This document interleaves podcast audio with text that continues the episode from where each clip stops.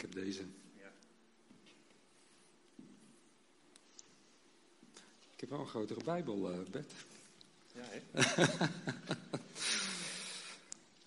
een hele goede avond allemaal. Heel fijn om uh, hier uh, in uw midden te zijn en met elkaar uh, ja, ook de kleine profeten te behandelen. En dan vanavond vooral een inleiding. We zijn uh, als Stichting Israël de Bijbel, waar ik zelf uh, fulltime bij betrokken ben, enorm dankbaar voor ja, de samenwerking die we hebben met uh, de Baptistengemeente De Fontein. Um, niet alleen als het gaat om uh, deze serie lezingen over de kleine profeten. Nee, we zullen vanaf 1 oktober hier ook het IB Studiehuis gaan geven. Dat is een zaterdagcursus waarin we ehm, ja, in acht zaterdagen Gods plan met Israël behandelen. En uh, een aantal van die lessen, die ziet u ook hier op het scherm.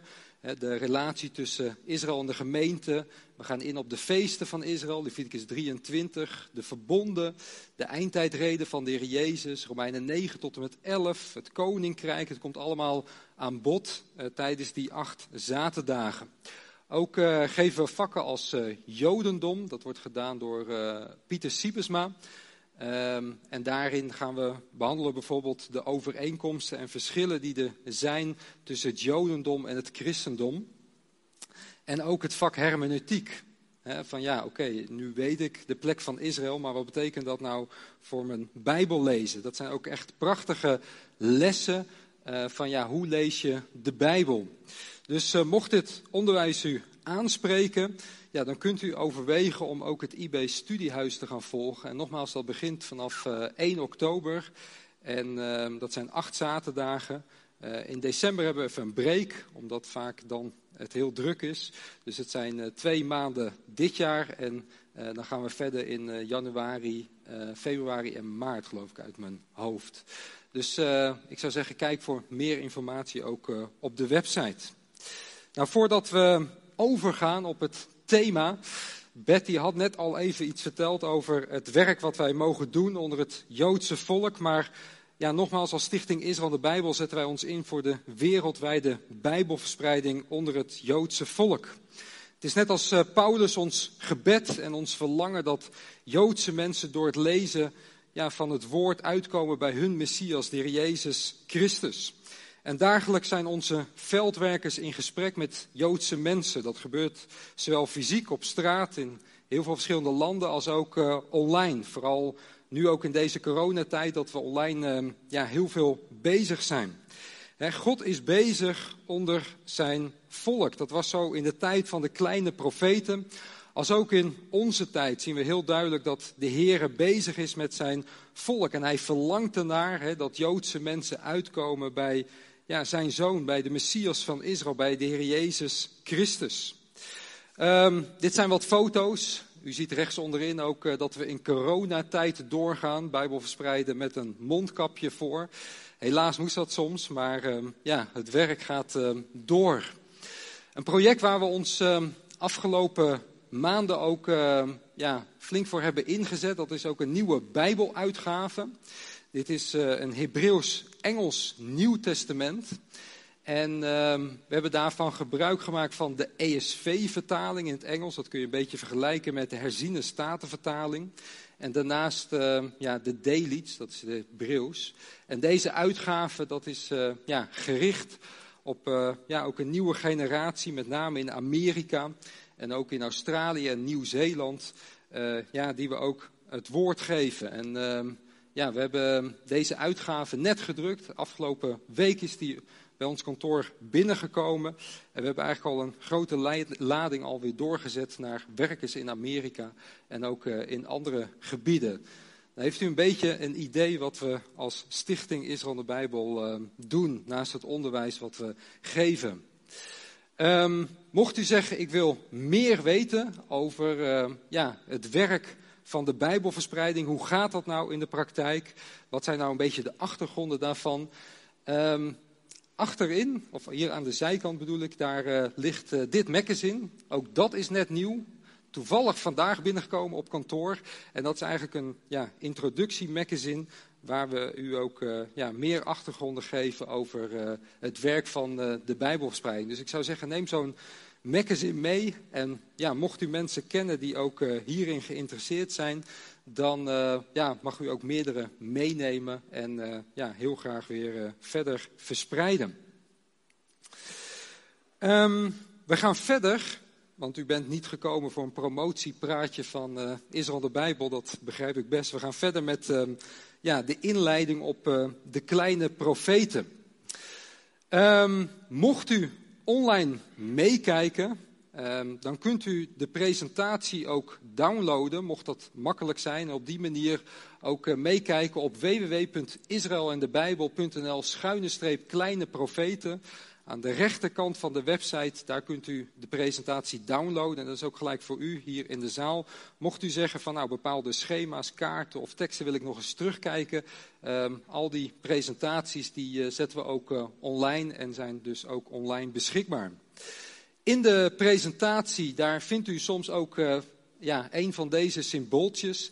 En dat is uh, eigenlijk een stuk ja, vervolgonderwijs. Dus mocht u zeggen van nou ik wil daar meer over weten, over specifiek dat stukje, dan uh, kunt u ook uh, ja, verder verdieping krijgen door bijvoorbeeld een podcast of een achtergrondartikel daarover te lezen. En als u de presentatie downloadt, dan kunt u daar heel makkelijk op klikken en ja, verder studeren. Goed, wat kunt u van deze avonden verwachten? Bert zei het al, het is vanavond een inleiding op de kleine profeten. En vervolgens zullen we per avond een profeet behandelen. En uh, als sprekers zullen we eigenlijk verschillende lagen met elkaar behandelen. We zullen een stukje historische context behandelen. Hè, in wat voor tijd leefden ze nou? Wat was nou de situatie? We zullen ehm, natuurlijk ingaan op uh, de profetische laag die we ook uh, vinden in de kleine profeten.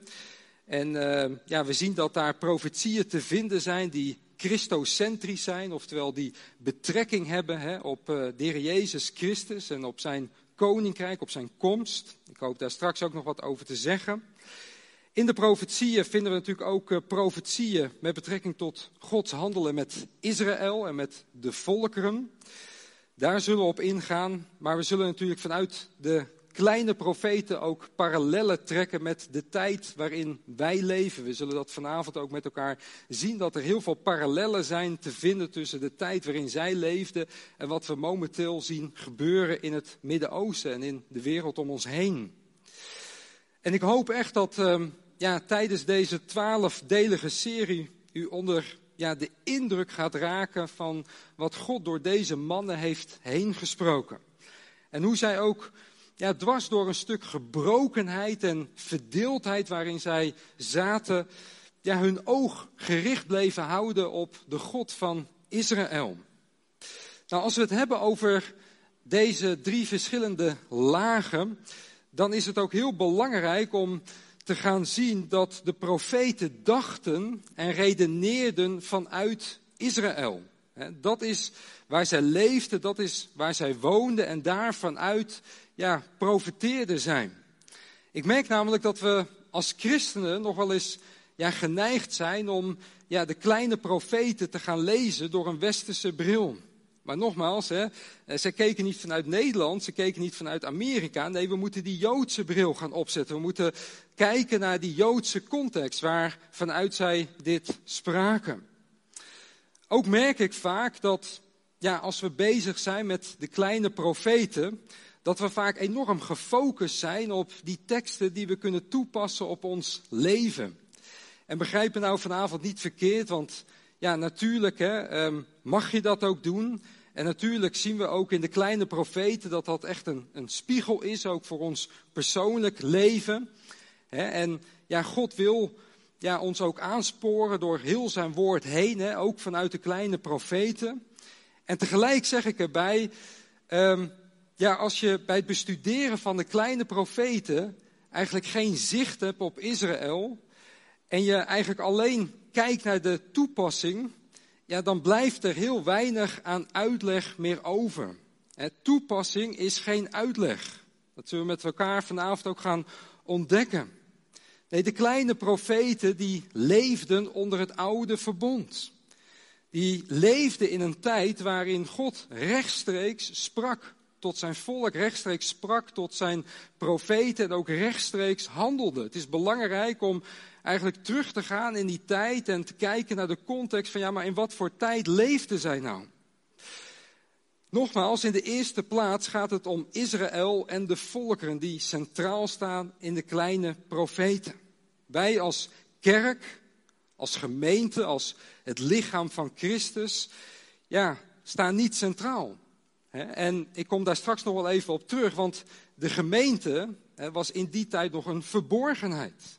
Dat werd pas geopenbaard na de dood en opstanding van de Heer Jezus.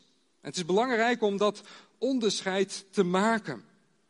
Anders ga je Bijbelteksten en ook principes ja, die voor die tijd gelden toepassen op je eigen leven. En ehm, ook beelden toepassen die ja, eigenlijk voor die tijd golden. En die ga je dan proberen toe te passen op je eigen leven. En dan kun je een heel verwrongen ja, godsbeeld gaan krijgen. Kun je ja, ook een heel verwrongen uh, beeld krijgen van, ja, van hoe je deze profetieën moet plaatsen. Ik kan me nog heel goed herinneren, dat is al jaren geleden tijdens een conferentie, dat een, een jongen naar me toe kwam. En uh, hij was Hosea aan het lezen. Het is echt waar wat ik nu vertel. En hij, uh, hij was verbaasd hè, dat ja, God van de profeet Hosea vroeg om met een hoer te trouwen. En hij paste dat eigenlijk meteen toe, ook op zijn eigen leven. Van ja, hoe, hoe moet ik dat nou zien? Wat als God nou aan mij vraagt hè, om met een, met, een, met een hoer te trouwen? Wat, wat moet ik dan doen? Ik kan toch niet zomaar met een hoer trouwen? En dit waren oprechte vragen. En als je ja, eigenlijk geen oog hebt voor de context, als je geen oog hebt voor ja, Gods handelen met Israël, wat daarin centraal staat, ja, dan kun je eigenlijk heel verkeerd uitkomen. Want ja, we zullen ook gaan zien met Hosea dat dat natuurlijk een beeld is van de relatie, de huwelijksrelatie die God had met zijn volk Israël. En het volk was vreemde goden achterna gegaan. Ze waren vreemd gegaan. En dat is het beeld wat we in Hosea tegenkomen. Context, zo enorm belangrijk. Ook als het gaat om de oordelen die we daarin vinden. Dat kun je niet allemaal zo klakkeloos toepassen op je leven. Daar moet je voorzichtig mee zijn. En ook als het gaat om de profetieën, dan is het nogmaals ja, belangrijk om te gaan zien dat Gods handelen met Israël en de volkeren daarin centraal staat. Een derde van de Bijbel is profetisch. En het grote gedeelte daarvan is gericht op Israël. Ook als het gaat om de eindtijd. dan zie je dat verreweg de meeste profetieën eigenlijk ja, ook spreken over die laatste fase van Gods plan. En dat dat alles betrekking heeft op Israël en het Midden-Oosten. Daarvanuit, nogmaals, dacht een Daniel. Daarvanuit dachten ook de kleine profeten.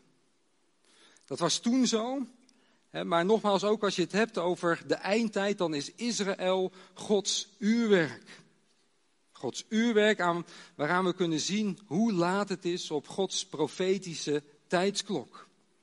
En dat maakte 1948 zo bijzonder. Zo betekenisvol. Er waren al bijbelleraren in de 19e eeuw die zeiden van ja, er moet een staat Israël komen. En ze, ze riepen dat eigenlijk al ver voor het Sionisme, ver voor de oprichting van de staat Israël. En dan vraag je af, hoe konden ze dat nou weten? Nou, op grond van het profetisch woord, onder andere op grond van de kleine profeten. Als je bijvoorbeeld Zachariah 12 tot en met 14 leest en bestudeert, dan zie je dat Israël vlak voor de wederkomst van Christus een hele centrale en belangrijke rol speelt.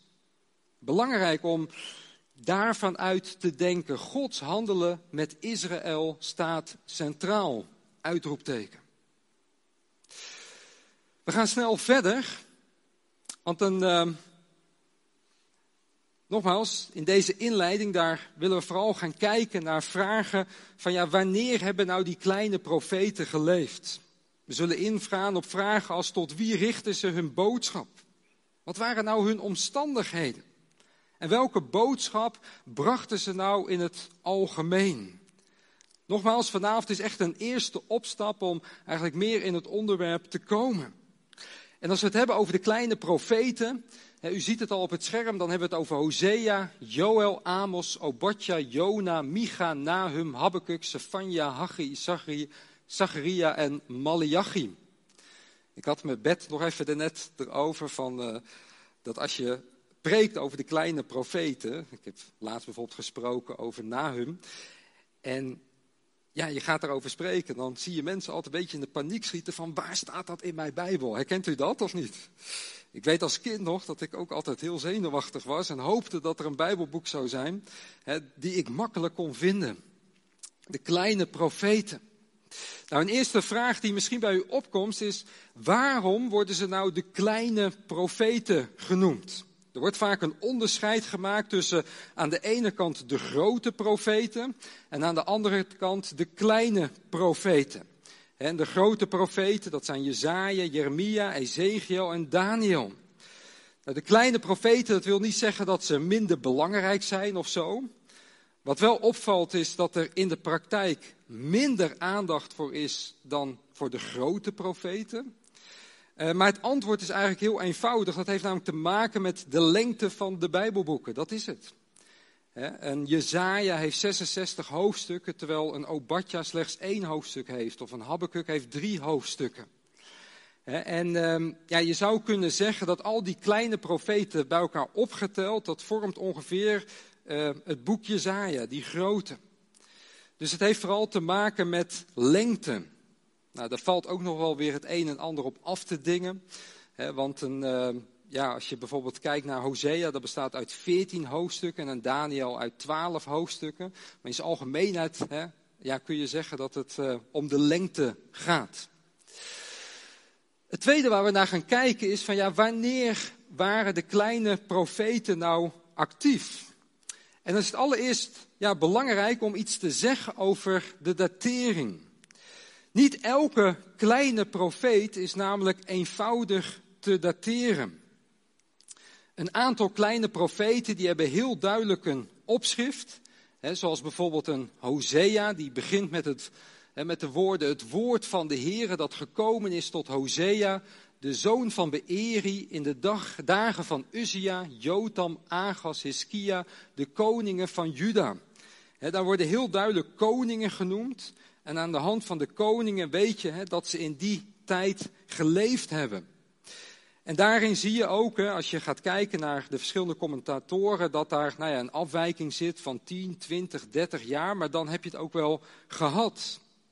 Er zijn ook eh, kleine profeten die een stuk moeilijker te dateren zijn.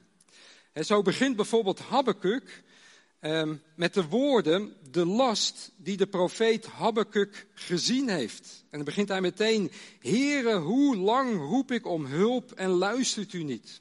Roep ik tot uw geweld en verlost u niet? Dus in Habakkuk, daar kun je eigenlijk geen opschrift vinden. daar begint eigenlijk niet zijn boek met wanneer de Heere tot hem gesproken heeft. En daarom moet je ja, vervolgens in het Bijbelboek zelf ja, gaan kijken naar aanwijzingen hè, waar je dan die kleine profeet kan plaatsen. Nou, als je gaat kijken naar Habakkuk, dan uh, kondigt hij bijvoorbeeld de Galdeeën aan, oftewel de Babyloniërs. In vers 6 lees je dat, want zie, ik doe de Galdeën opstaan, dat grimmige en onstuimige volk, dat de breedte van de aarde doorkruist om woningen in bezit te nemen die niet van hem zijn. En waarschijnlijk hè, dat Habakkuk dan leefde ergens aan het einde van het Assyrische wereldrijk. Habakkuk die leefde eigenlijk tussen twee grote wereldrijken in. Je zou kunnen zeggen dat het Assyrische rijk in verval was, dat brokkelde af. En ja, de Galdeeën, de Babyloniërs, die waren in opkomst. En dat blijkt ook wel als je dat eerste hoofdstuk leest van Habakkuk. Ja, dan kom je eigenlijk meteen ja, binnen bij die profeet dat hij heel veel ellende en heel veel geweld en heel veel verdeeldheid in zijn leven heeft meegemaakt en heeft gezien. Als je gaat kijken naar uh, de kleine profeten, dan zie je dat uh, er zes gedateerd zijn. Dat zijn Hosea, Amos, Micha, Sefania, Haggai en Zacharia. En degene die niet gedateerd zijn, dat zijn de andere profeten. Nou, Jona uh, heeft in die zin geen opschrift. Maar we weten dan op grond van 2 Koningen 14 dat hij geleefd heeft ten tijde van Jerobiam II. Dus indirect ja, kun je hem dan wel dateren.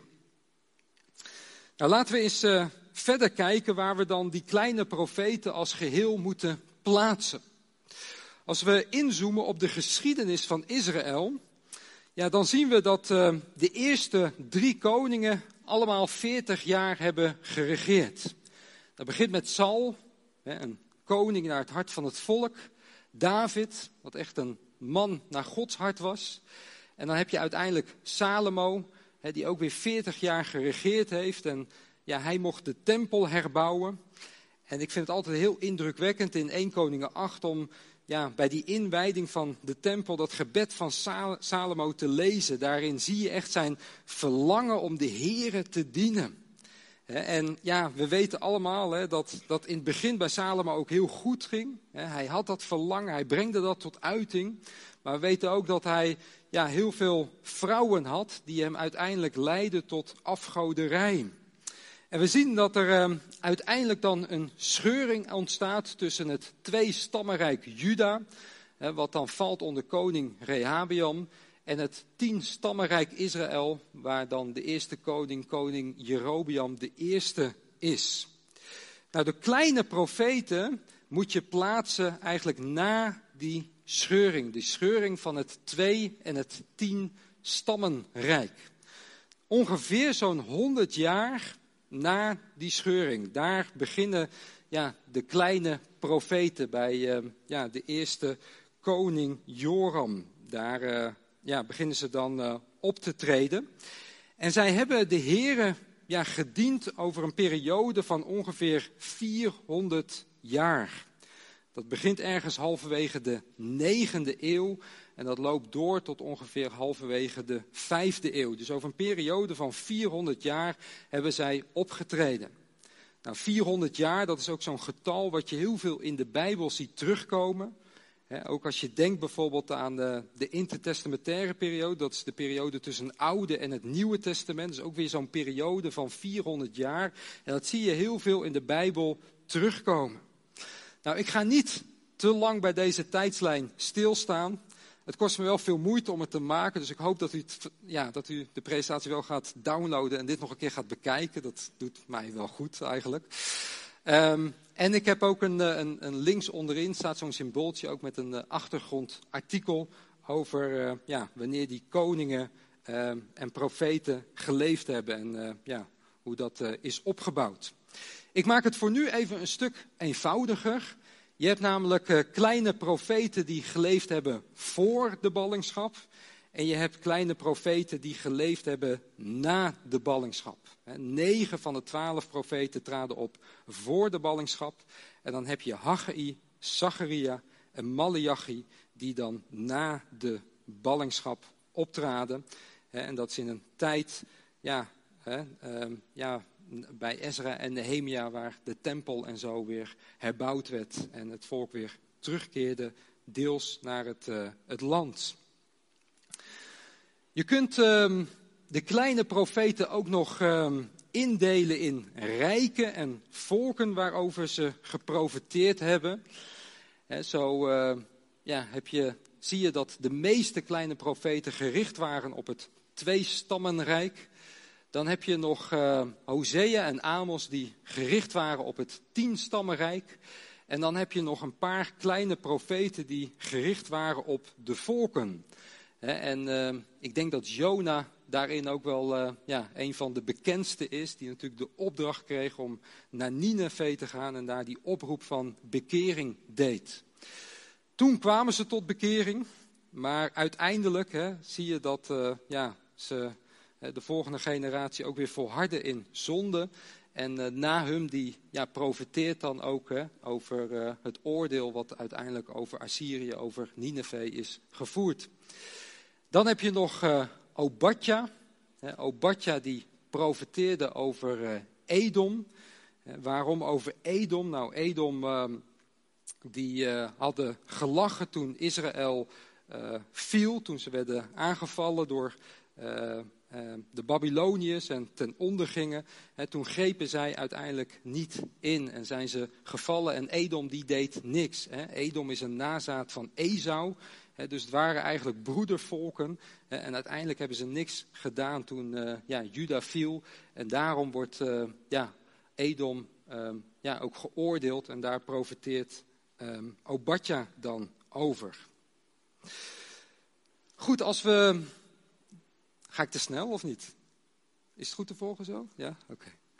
Als we dan verder kijken naar, uh, naar een kaartje waar ze ja, vandaan komen dan is dat ook niet altijd even makkelijk. Zoals u ziet, uh, ja, komt Jona uit het noorden, hè, Gad Hefer. Maar nogmaals, hij trad op in Assyrië, in Nineveh, maar hij komt uit het noorden. Je hebt ook uh, profeten die leefden in het zuiden, maar die profeteerden over het noordelijk rijk. bedenk dat uh, toen de tien stammen in verval raakte, dat heel veel vanuit het noordelijk rijk ook naar het zuiden trokken. Dat zie je vooral na die scheuring eh, ontstaan. Ehm, en je ziet dat uh, Amos, die, uh, ja, die komt uit Tekoa, als ik het zo goed uitspreek, maar uit het zuiden. Maar hij profeteerde dan over het noordelijk rijk.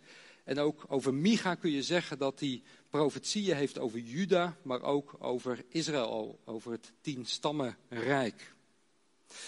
Nou, sommige kleine profeten zijn echt een stuk lastiger te lokaliseren. Denk aan een Joel, daar gaat Bert het de volgende keer over hebben. Waarschijnlijk heeft hij opgetreden ergens wel in Jeruzalem, omdat dat heel veel te sprake komt in Juda. Maar het is een beetje onzeker. Hetzelfde geldt ook voor Obadja en Habakkuk. En dan heb je nog Nahum. Daar begint eh, zijn boek met eh, Nahum uit Elkos. En ook daar zijn een beetje de meningen over verdeeld waar dat dan gelegen heeft. Sommigen denken dat het ten noorden van de Dode Zee lag. Um,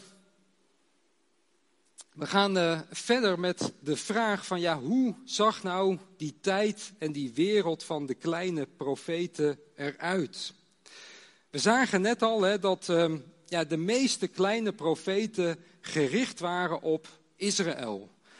En ehm, we zagen ook dat negen van de twaalf profeten optraden vlak voor de ballingschap.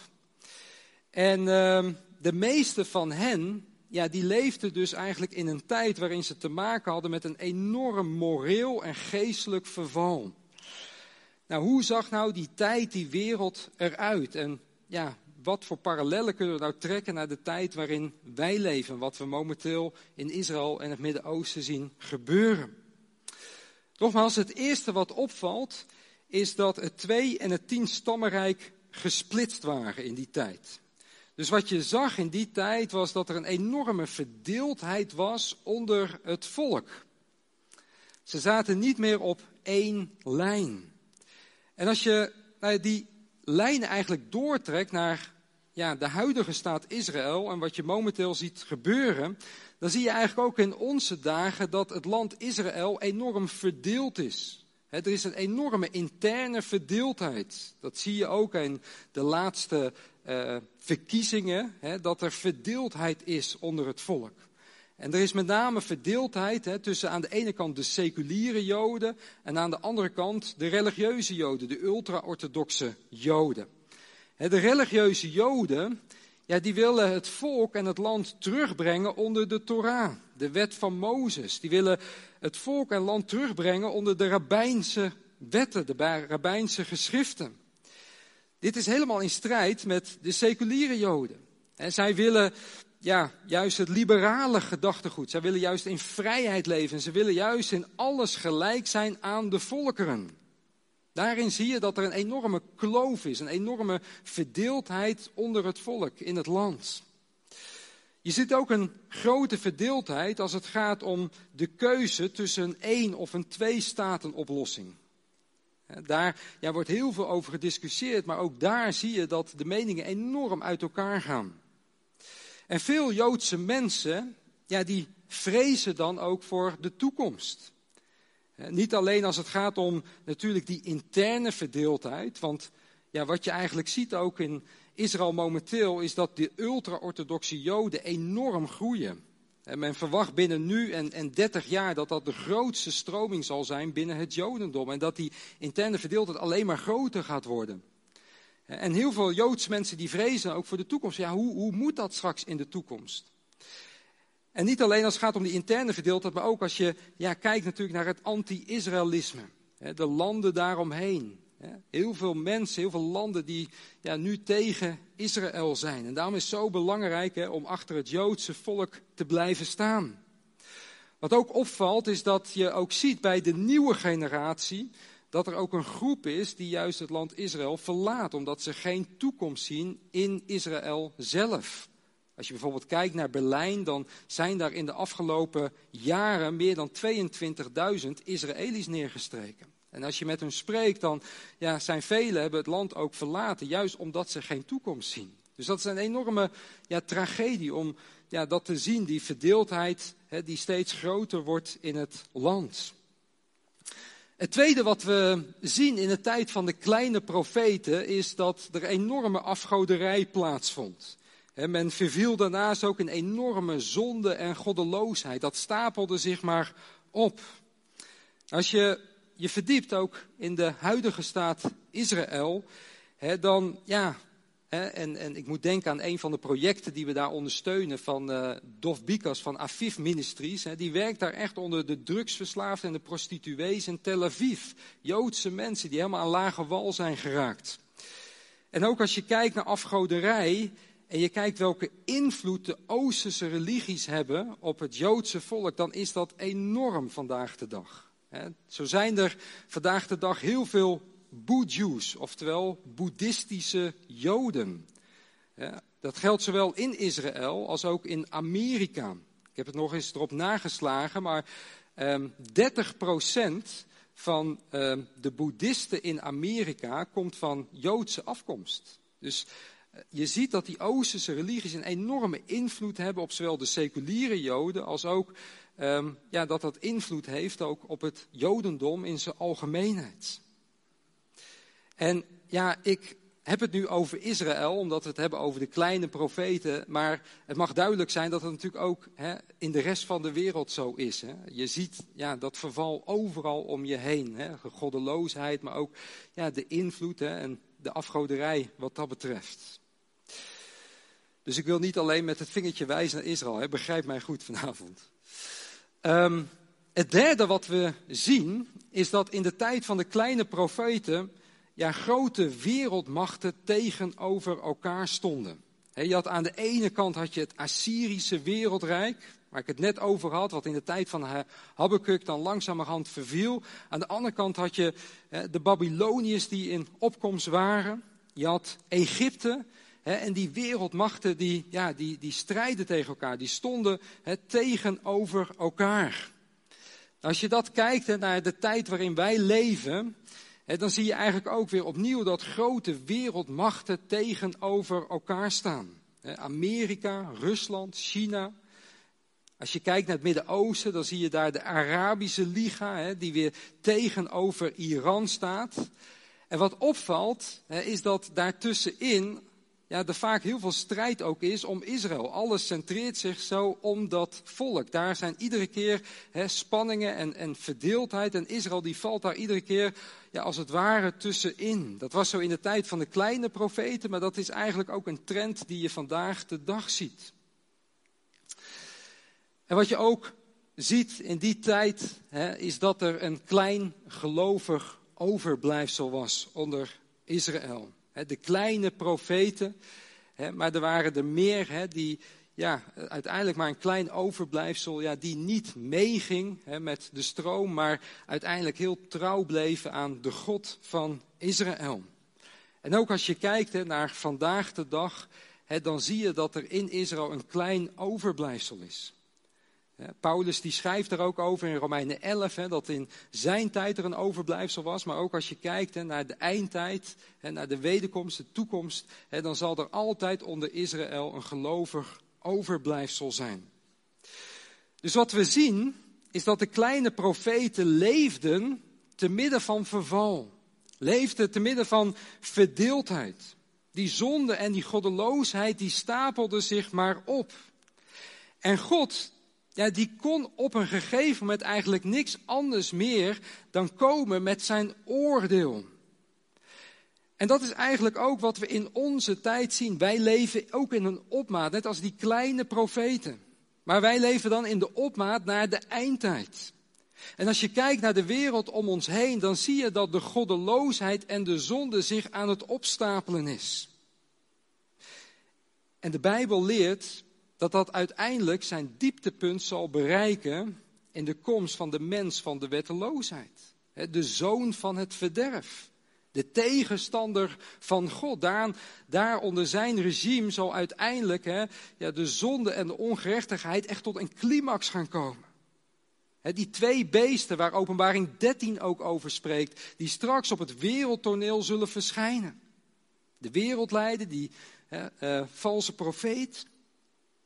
En in de eindtijd zal er eigenlijk, ja, net als in de tijd van de kleine profeten, opnieuw een goddelijk totdat komen. Een moment waarop de Heer zal zeggen, en nu is het genoeg. Ik ga ingrijpen. En dat zal ja, in de eindtijd gaan gebeuren. En dan zal de Heer eigenlijk net als in de tijd van de kleine profeten weer rechtstreeks gaan ingrijpen. Hij zal gaan spreken ook weer door profeten. Denk bijvoorbeeld aan de twee getuigen uit Openbaring 11, die zullen optreden in Jeruzalem. Die rechtstreeks door de Here worden gezonden om daar op te treden. De Here die zal ook gaan spreken door oordelen. Denk aan het Bijbelboek Openbaring, waarin hij rechtstreeks zal gaan ingrijpen en tot de mensheid ja, van zichzelf laat horen. We lezen dat ook, hè, ook weer in de kleine profeten, hè, waar er gesproken wordt over de dag van de Here. En waar ook over heel veel natuurverschijnselen ja, gesproken wordt, hè, wat dan straks in de eindtijd ook realiteit zal worden. En tegelijkertijd hè, zeg ik erbij, ja, die profeten die leefden in een periode van verval. Ze wisten dat dat oordeel zat aan te komen hè, van ballingschap. De Babyloniërs die zouden komen, de Assyriërs die zouden komen. En tegelijkertijd keken ze als kleine profeten ook over de tijd heen. En dat vind ik zo mooi. Ze keken over de tijd heen en ze wisten dat God alles in de hand heeft. Dat God in de toekomst Israël gaat herstellen, dat er een nieuwe wereld zal aanbreken. Ook dat vinden we in de kleine profeten. En dat geldt ook voor ons. Als je kijkt naar het wereldgebeuren, dan eh, ja, mogen ons hoop en onze verwachting vestigen op de Heere God. Hij heeft alles in zijn hand en we mogen ons vastgrijpen ook aan de wederkomst van de Heer Jezus Christus. Hij is aanstaande. We gaan verder met de vraag welke boodschap brachten de kleine profeten. Um, en ik wil mij beperken tot vier punten. Het allereerste waar we naar zullen kijken is de oproep van bekering die zij deden. Het tweede wat we zullen zien is dat zij beloften, wat ik net ook al zei, van herstel gaven. Het derde is dat ze natuurlijk ook oordelen gaven. En het vierde is dat we natuurlijk ook messiaanse beloften vinden in de kleine profeten. Als wij denken aan het woord profeet of profetie, dan, denk, dan merk ik vaak in gesprekken dat heel veel mensen al snel denken aan gebeurtenissen die zullen plaatsvinden in de toekomst. Maar een profeet was letterlijk een mond van God. Eh, Aaron was de profeet van Mozes. Hij was de mond van Mozes. Hij gaf de woorden door. En het eerste waar God in die tijd van de kleine profeten naar verlangde, was dat het Joodse volk tot bekering zou komen. Niet een bekering ergens in de toekomst. Nee, hij verlangde daarna dat het volk op dat moment tot bekering zou komen, zodat hij niet met zijn oordeel hoefde te komen. En dat is eigenlijk de eerste opdracht waar, ja, die de kleine profeten hadden. Ze moesten het volk bepalen bij hun zonde en ongerechtigheid. En ze moesten die oproep doen van bekering. De profeet Hosea die riep tot het volk, hè, kom laten wij terugkeren naar de Heer. Want Hij heeft ons verscheurd. Maar Hij zal ons genezen. Hij heeft geslagen, maar Hij zal ons verbinden. Ik vind het zulke mooie woorden als je dat op je in laat werken. Laten we terugkeren naar de Heer. Hij zal ons genezen. Wat ik al zei, de kleine profeten waren ook een spiegel, zijn ook een spiegel voor ons leven. Ik weet niet hoe u, hoe jij hier vanavond zit. Ik weet niet hoe je op afstand meekijkt. Maar misschien herken je je wel in deze woorden, voel je wel aangesproken. Misschien loop je ook al tijden rond met een verscheurd hart, omdat je in zonde leeft. En verlang je eigenlijk net ja, als Israël naar genezing. Als dat zo is, hè, dan is de eerste stap die we hieruit kunnen leren dat we terug moeten keren naar de Heer. Dat we onze zonde moeten beleiden. Dat is de eerste stap. En de Heer die wil, net als zijn volk, ons graag genezen. Dat verscheurde leven van zonde en ongerechtigheid. Hij wil ons genezen door zijn zoon, Jezus de Messias.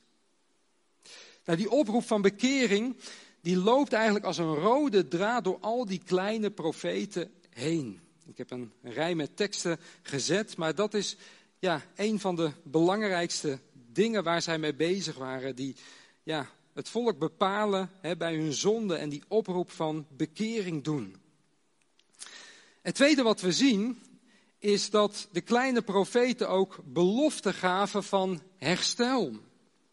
En je kunt dit verdelen in voorwaardelijke beloften en onvoorwaardelijke beloften. Nou, zoals het woord voorwaardelijk al zegt, hè, zijn voorwaardelijke beloften, hè, beloften die in vervulling gaan op het moment hè, dat het volk ja, voldeed aan de voorwaarden die God stelde. Eh, aan datgene wat de Heere van hen verlangde. En deze voorwaarden, die ja, gaf de Heer eigenlijk al in de Torah, in de eerste vijf boeken van Mozes. daar ligt de basis van Gods handelen met zijn volk Israël. En daarvan uit, vanuit de Torah, daarvan uit lieten de koningen en de profeten zich leiden. En natuurlijk sprak God ook rechtstreeks tot de profeten door middel van een visioen, door middel van gezichten. Maar hun boodschap lag altijd in lijn met de Torah. Als er een profeet was die opstond en die boodschap had die dwars tegen de Torah inging, tegen het geschreven woord van God, ja, dan wist je eigenlijk op voorhand al dat je te maken en met 30, ja, dan zie je daarin hele belangrijke voorwaarden als het gaat om het herstel van Israël. In Deuteronomium 28, daar kun je lezen over de zegen en de vloek. Dat wil zeggen dat als het volk trouw zou zijn aan de Heer en trouw zou zijn aan het verbond, dan zou de zegen over het volk heen komen. Maar bij ontrouw, dan zouden ze te maken krijgen met vervloekingen. En die vervloekingen die gingen zo ver dat ze uiteindelijk zelfs uit het land geworpen zouden worden en zelfs verspreid zouden raken onder alle volkeren. En als je de geschiedenis van Israël volgt, dan weet je dat dat ook gebeurd is. En de kleine profeten, nogmaals, die leefden vlak voor de ballingschap. En zij wisten op grond van Deuteronomium 28 tot en met 30 heel goed dat er eigenlijk ja, maar één weg was wat leidde tot herstel. En dat is dat Israël als volk tot bekering moest komen. Want de Heer die had gezegd in Deuteronomium 30, als jullie als volk tot bekering komen, dan zal ik jullie herstellen. Dan zal dat oordeel niet komen. Dan hoeven jullie niet in ballingschap. Zo lezen we in Hosea 14. Bekeer u Israël tot de Heere uw God. Want u bent gestruikeld door uw ongerechtigheid. Neem deze woorden met u mee. Bekeer u tot de Heere. Zeg tegen hem, neem alle ongerechtigheid weg. Neem het goede aan. Dan zullen wij de offers van onze lippen nakomen. Assyrië zal ons niet verlossen. Op paarden zullen wij niet rijden. Wij zullen nooit meer zeggen, u bent onze God tegen het werk van onze handen. Bij u immers vindt een wees ontferming. Ik zal hun afkerigheid genezen. Ik zal hen vrijwillig liefhebben, want mijn toren heeft zich over hem afgewend. Ik zal voor Israël zijn als de dauw. Hij zal in bloei staan als de lelie, wortel schieten als de Libanon. Alleen op basis van bekering kon dat herstel plaatsvinden. Even tezijde, dat geldt ook voor Israël in de toekomst. Als je je verdiept in de eindtijd, als je verdiept in de wederkomst van Christus, ja, dan zal de Heer Jezus Christus niet eerder naar deze aarde terugkomen, totdat Israël als volk heeft gezegd, Baruch haba Shem Adonai, gezegend is hij die komt in de naam van de Heer. De bekering van Israël is een belangrijke voorwaarde voor de wederkomst van Christus en de oprichting van zijn koninkrijk hier op aarde. Maar waar het me nu even om gaat is dat als we kijken naar de kleine profeten, dan vind je daar voorwaardelijke beloften, beloften als dan profetieën, als zij tot bekering komt, dan kan de Heer hen herstellen. En tegelijk zien we ook dat de Heer onvoorwaardelijke beloften geeft. Dat wil zeggen dat er ook de zekerheid is dat God gaat ingrijpen. Dat er herstel komt. Zo lezen we bijvoorbeeld in Habakkuk 2, want de aarde zal vol worden met de kennis van de heerlijkheid van de Heere, zoals het water de bodem van de zee bedekt. Dit zal gebeuren. Wat de mens ook doet, wat hij ook bedenkt, of hij nou wel gelooft in God of niet gelooft, of hij nou wel gelooft in het herstel van Israël of niet gelooft in het herstel van Israël, er zal een dag komen waarop deze aarde vol zal zijn met de kennis van de heerlijkheid van de Heer. Dat gaat gebeuren, dat staat vast. En daarin zien we eigenlijk ook Gods soevereiniteit naar voren komen. Dat wil zeggen dat God ja, eigenlijk dwars door alles heen zijn plan en zijn wil volvoert. Hij is daarin niet afhankelijk van mensen. Hij laat zich daarin ook niet intimideren door een Satan. Nee, God is de schepper van de hemel en aarde. Hij staat overal boven. En ik denk dat dat ons ook rust mag geven. Als we kijken naar het wereldgebeuren, als we kijken naar de situatie in het Midden-Oosten, als we kijken naar afgelopen week, de situatie in Afghanistan, als we kijken naar corona, waar we nog altijd mee te maken hebben, wat heel veel verdeeldheid teweeg brengt, dan mogen we weten dat God dwars door alles heen zijn plan volvoert. Hij gaat straks ingrijpen. Hij gaat straks orde op zaken stellen. En die dag waar Habakkuk over spreekt en ook over de kleine andere profeten over spreken, dat Messiaanse Rijk, dat gaat komen. Dat is wat de Bijbel ons leert. Of we het geloven of niet, dat Rijk gaat komen. God gaat orde op zaken stellen. En als ik dan nog even terugkom op ja, die toekomstige bekering van Israël, waar ik het net nog over had ja, dan zal God eigenlijk net als in de tijd van richteren Israël op een punt brengen waarop ze zijn naam zullen gaan aanroepen. De Bijbel leert hè, dat in die laatste fase eigenlijk die druk rondom Israël zo zal toenemen dat ze uiteindelijk zijn naam zullen gaan aanroepen. We lezen dat bijvoorbeeld in Zachariah 13, vers 9. Maar ik werd ook bepaald bij Hosea 5, vers 15, die dat prachtig verwoordt. Waar we lezen, u kunt het onderaan meelezen. Ik ga en keer terug naar mijn woonplaats. Waar doet u dat aan denken? Hemelvaart, toch, of niet? Ja. Totdat zij zich schuldig weten en mijn aangezicht zoeken.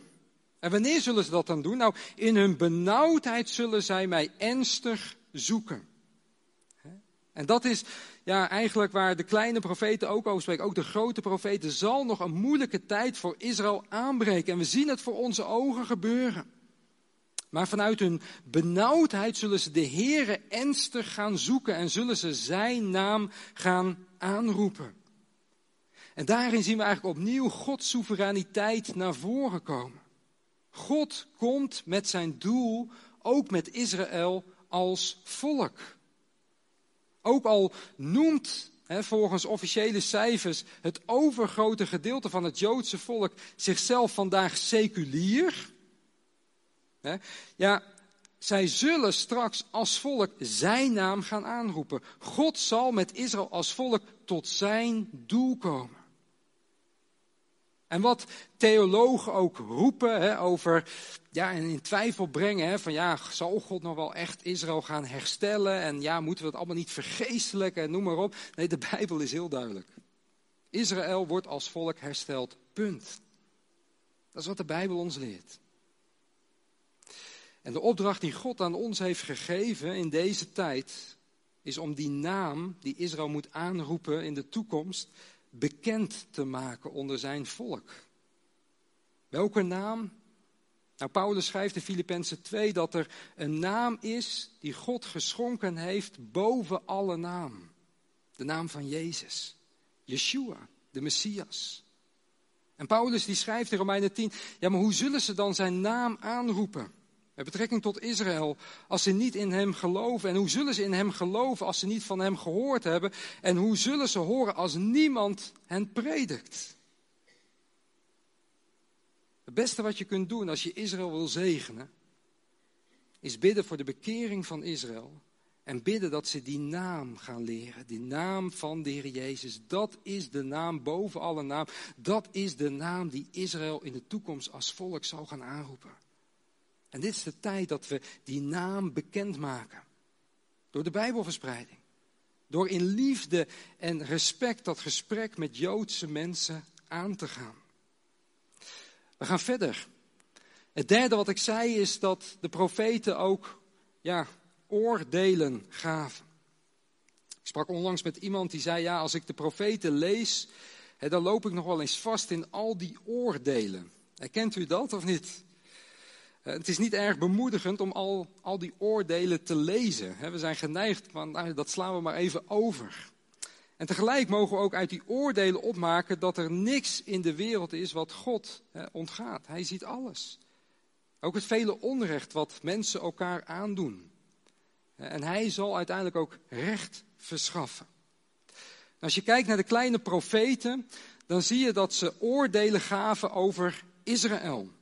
Ik zei net al hè, dat um, um, er ook consequenties aan verbonden waren als Israël zich niet hield aan het verbond. Daar had je de zegen en de vloek. En als Israël ontrouw was, ja, dan zou de vloek over hen heen komen. En een van die oordelen was dat ze uit het land geworpen zouden worden. En je ziet dat de kleine profeten eigenlijk ja, daar ook over verkondigden. Ze kondigden de Assyriërs, maar ook de Babyloniërs aan, dat ze met dat oordeel zouden komen. wat ik zo mooi vind als je de profeten leest, is dat je ook ja, eigenlijk die worsteling van de Heer daar doorheen proeft. Hij wilde zijn, voor, zijn volk niet oordelen. Hij wilde ja, zijn volk niet wegvoeren in ballingschap. Hij wilde zijn geliefde stad Jeruzalem helemaal niet vernietigen. Hij had daar verdriet over. Maar hij kon niet anders. Hij zond zijn profeten met die oproep en hij, hij probeerde ja, het eigenlijk te rekken dat dat oordeel niet hoefde te komen. Maar Israël als volk kwam niet tot bekering. En dat is eigenlijk nog steeds dat je ja, dat, dat verdriet van de Heere proeft. Ik moet denken aan die woorden uit 2 Petrus 3, vers 9, waar staat: De Heere vertraagt de belofte niet zoals sommigen dat als traagheid beschouwen, maar hij heeft geduld met ons en wil niet dat enige verloren gaan, maar dat allen tot bekering komen. En dan gaat Paulus of Petrus verder, maar de dag van de Heere zal komen als een dief in de nacht. Die dag van de Heere, die eindtijd, het zal komen. God gaat ingrijpen. maar ja, hij, hij, hij, hij, vertraagt die belofte niet zoals sommigen dat als traagheid verschouwen. Nee, hij heeft geduld. Hij wil niet dat iemand verloren gaat. Hij wil allemaal dat ze tot bekering komen. En dat proef je eigenlijk ook bij, bij dat oordeel over Israël. Um, het oordeel van ballingschap, van, die, uh, van verspreidingen onder de volkeren. En je ziet dat de Heer ook oordelen gaf met betrekking tot de volkeren. Kijk, aan de ene kant gebruikte God Babel om dat oordeel over Israël uit te voeren en ook Assyrië. En deze twee volkeren, die dachten heel groot over zichzelf, maar ze waren uiteindelijk maar een instrument in Gods hand. Het is wel interessant dat je over Babel in Jeremia 25 kunt lezen dat het Gods dienaar is. Het was maar een instrument voor God. Het was slechts een klein pionnetje op het grote schaakbord. En we zien dat Babel uiteindelijk ook verantwoording moet afleggen voor zijn daden. En zo lezen we in de profeten dat Babel zich ook te veel aan Israël heeft vergrepen. En dat ze om die reden ook weer geoordeeld werden door de Heeren. En dat geldt eigenlijk ook voor de tijd waarin wij leven. En als het gaat om de eindtijd, hè, dan lezen we eigenlijk aan de ene kant in Zachariah 12 dat God Jeruzalem zal maken tot een bedwelmende beker voor alle volken rondom. Met andere woorden, hè, God is het die dat doet. En tegelijkertijd ja, zien we ook hè, dat God, hè, hij doet dat omdat hij Israël op een bepaald punt wil brengen. Dat blijkt ook uit, uit als je Zachariah 12, 13 en 14 bestudeert. Hè. Hij wil ze brengen op het punt dat ze tot bekering komen. En tegelijkertijd ja, zie je ook dat die, is, die volkeren die zich nu tegen Israël keren, dat ze uiteindelijk ook ja, verantwoording moeten afleggen voor hun daden. Misschien komt Bet daar nog over te spreken, maar Joel 3 spreekt daar bijvoorbeeld over. En ook Matthäus 24, vers 31 tot met 46. We zien wel dat heel veel landen rondom Israël hoogmoedig zijn.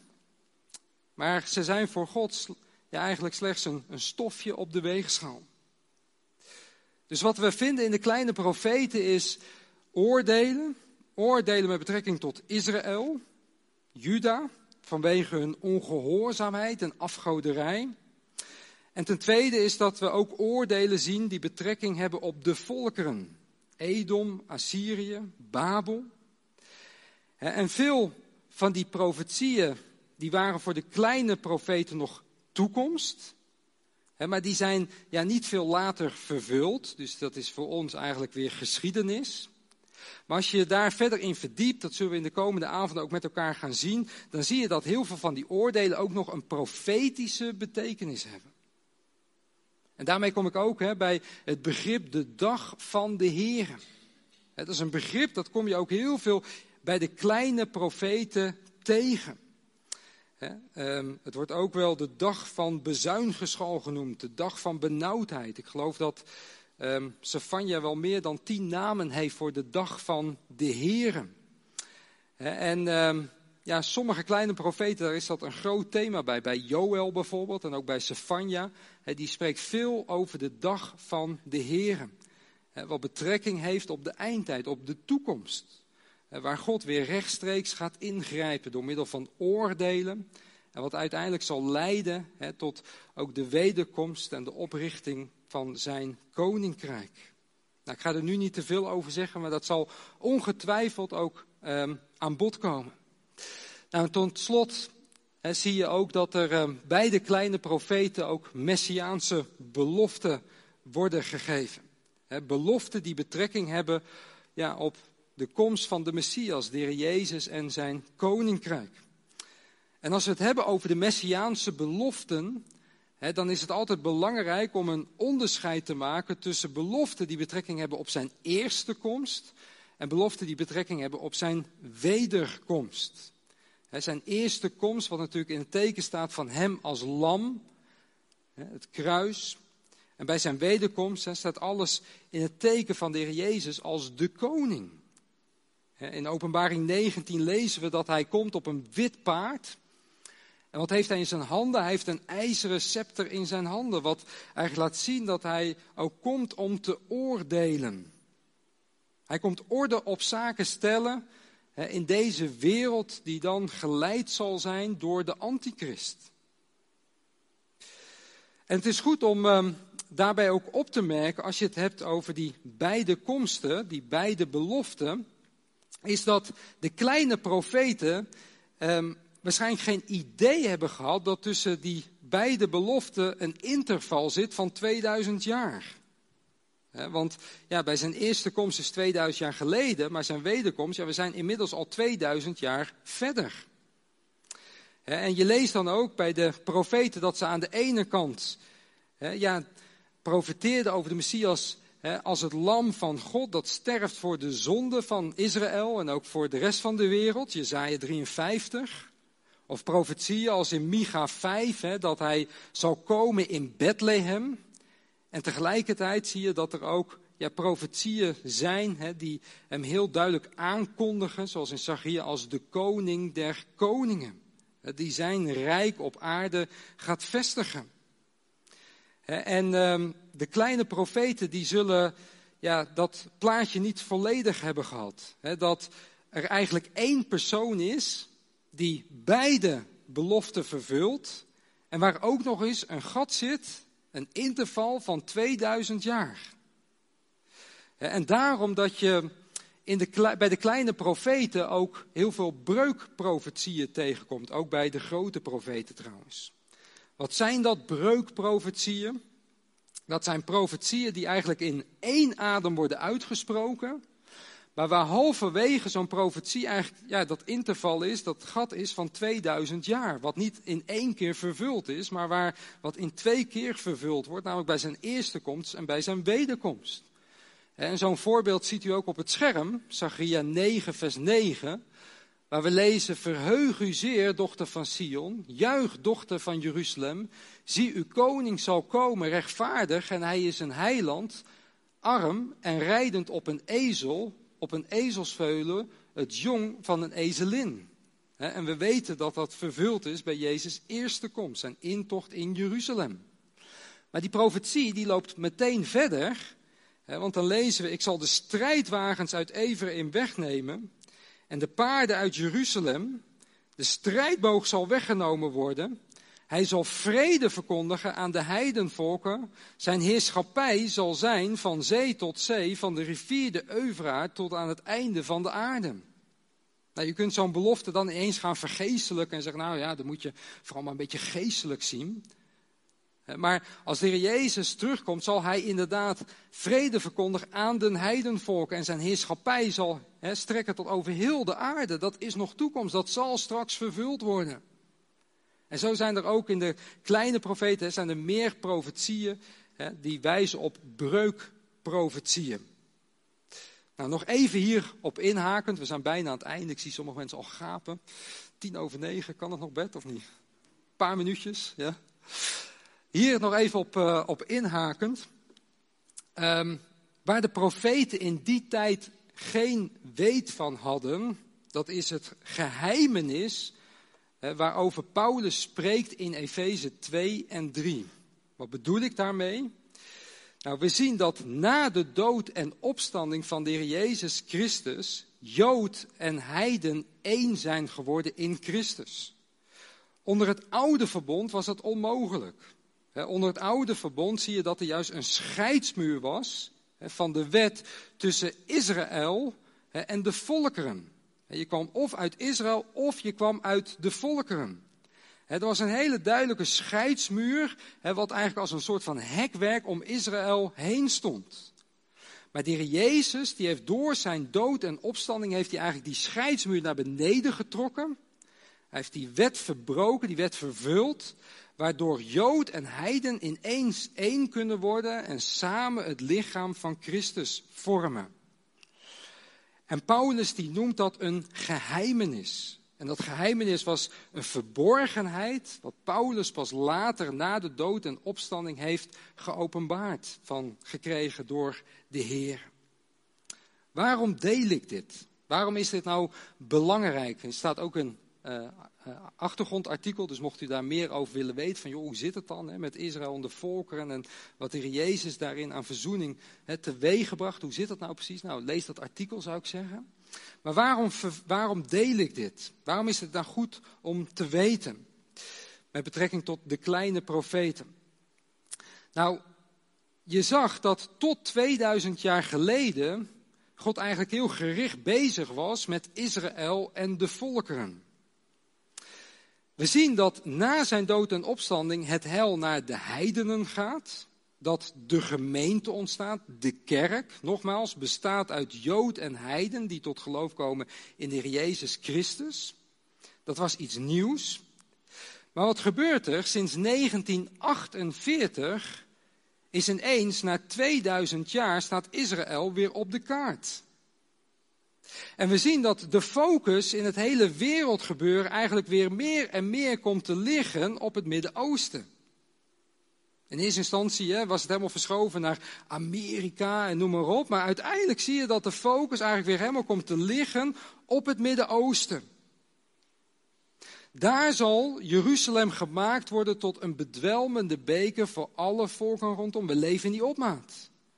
Daar zal straks volgens de Bijbel nog de tempel gebouwd worden, waar de antichrist zich in gaat vestigen. Daar zullen straks die twee beesten uit Openbaring 13 zich heel gericht gaan optreden in Jeruzalem, rondom Jeruzalem. Daar zullen straks die twee getuigen gaan opstaan. Weet je wel waar Openbaring 11 over spreekt? In Jeruzalem zullen zij gaan optreden. En dat zal straks uiteindelijk ook de plek zijn waar de Heer Jezus naar zal terugkeren, waar hij zijn voeten zal zetten op de Olijfberg, Zachariah 14. Wat zal splijten en wat een vluchtweg zal creëren voor het Joodse volk. Nogmaals, wij leven in de opmaat naar de eindtijd. En het zal niet lang meer duren, lieve vrienden, of naar een periode van 2000 jaar van God stilzwijgen, zien we dat God straks weer rechtstreeks gaat ingrijpen. Eigenlijk net, wat ik ook al zei, als in de tijd van de profeten. Na 2000 jaar, door zijn gemeente in het verborgene gewerkt te hebben, zal God die draad met Israël en de volkeren weer gaan oppakken. En hij zal met Israël als volk tot zijn doel komen. En hij zal ook met de volkeren tot zijn doel gaan komen. En hij zal alles straks, straks rechtstreeks gaan terugbrengen onder zijn heerschappij. Wat onder Adam viel, zal God uiteindelijk weer helemaal terugbrengen onder zijn heerschappij. En dat is wat Paulus eigenlijk ook zo prachtig verwoordt. En daarmee wil ik afsluiten met Filippenzen 2. Waar we lezen op dat in de naam van Jezus zich elke knie, dat is nu nog niet. Nu is het nog niet zo dat elke knie zich buigt. Maar in de naam van Jezus elke knie van hen die in de hemel, die op de aarde en die onder de aarde zijn. En elke tong zou beleiden dat Jezus Christus de Heeren is tot heerlijkheid van God de Vader. Dat is waar God naar aan het toewerken is. Dat straks elke knie zich zal buigen in de hemel, op de aarde en hen die onder de aarde zijn. Als u vanavond thuis bent, moet u openbaring 12 eens lezen. Daar lees je dat Satan straks in de toekomst op de aarde geworpen wordt. En er staat er, verblijd u die in de hemelen zijn. Wee u die op de aarde zijn. En uiteindelijk zie je in openbaring 20 dat uiteindelijk Satan hè, geworpen zal worden in de afgrond. Verblijd u die op de aarde zijn. En zo zie je eigenlijk dat deze teksten, elke knie van hen die in de hemel, die op de aarde en onder de aarde zijn, eigenlijk ook profetisch zal dat zo gebeuren. En ehm, ja, de Heere die uh, staat overal boven en uiteindelijk zal alles onder zijn heerschappij komen. Dat is waar de profeten naar verlangden. En daar mogen wij ook naar verlangen. Wat een moment zal dat zijn. Geprezen zij zijn heilige naam. Amen. Goed, dit was de inleiding op de kleine profeten. Ik hoop niet dat het te veel informatie was. Nogmaals, uh, uh, u kunt de presentatie downloaden en het nog eens een keer terugkijken. Um, de volgende lezing zal zijn 16 september. Hè, dan zal Bert met u uh, gericht gaan nadenken over Joël. De aanvang is, ik zeg kwart voor acht. Moet dat half acht worden, Karen? Ik kijk heel even naar jou. Of gewoon kwart voor acht aanhouden. En dan beginnen we om acht uur. Dus ook voor degenen die via de livestream meekijken. um, acht uur, dan gaan we van start. En nogmaals, mocht u meer onderwijs willen hebben over deze onderwerpen, overweeg dan eens een abonnement op ons maandblad IB Magazine. Neem dat gerust ook mee als u naar buiten loopt. Ik stel voor dat we met elkaar ehm, de Heren nog gaan danken. En eh, dan zullen we deze avond met elkaar eh, afsluiten. Mag ik u daarin eh, voorgaan? Liefdevolle Vader in de hemel, dank u wel, Heer, voor deze eerste avond waar we ja, met elkaar hebben stilgestaan bij de kleine profeten. Ik wil u danken, Heer, voor ja, het geweldige plan wat u heeft met uw volk Israël, met de volken, maar ook met de gemeente. Heer, dank u wel dat we ja, ook vanuit deze kleine profeten mogen leren. Dat we mogen zien dat u alles in de hand heeft. Dat er niets is wat er in deze wereld wat aan uw ogen ontgaat. En dank u wel, Heer, dat u uw plan ook gaat afmaken. Heer, dat er een moment zal komen in deze wereld waar u weer ja, rechtstreeks zal gaan ingrijpen. Heer, waar er ja, orde op zaken gesteld zullen worden. Heer, en ja, we verlangen naar uw komst, Heer, naar deze aarde. Heer, en we willen ja, u bidden, Heer, ook uh, ja, tot die tijd dat we, ja, net als de kleine profeten, ook ons oog gericht mogen houden op de God van Israël. De Messias van Israël, de Jezus Christus. Heer, wilt u ons uh, ja, vasthouden, ook tot die tijd. En we willen bidden of u ook uh, ja, zo weer met ons mee wil gaan, ook naar huis. Wilt u ja, deze, dit woord ook verder uitwerken in onze harten. We willen ook bidden, Heer, ook voor uh, de komende periode, ook voor de andere sprekers. Wilt u ook hen helpen in het uh, ja, voorbereiden van deze avonden. Heer, en uh, ja, we willen u danken dat we zo vanuit uw woord ja, mogen leren, dat we daar vanuit opgebouwd mogen worden. Heer, en ja, dat we zo meer en meer mogen ontdekken van wie u bent en het plan wat u heeft. We prijzen uw heilige naam. In Jezus' naam. Amen. Voor uh, degenen die live kijken, uh, allemaal God zegen toegewenst. We hopen tot over twee weken. En ook voor u hier vanavond uh, een goede reis naar huis. En ehm, mocht u nog vragen of opmerkingen hebben, dan ben ik hier nog eventjes. Dus ja, voel u vrij om na afloop nog even te komen en door te praten. Ik zie dat we nog één lied gaan zingen. En welk lied is dat?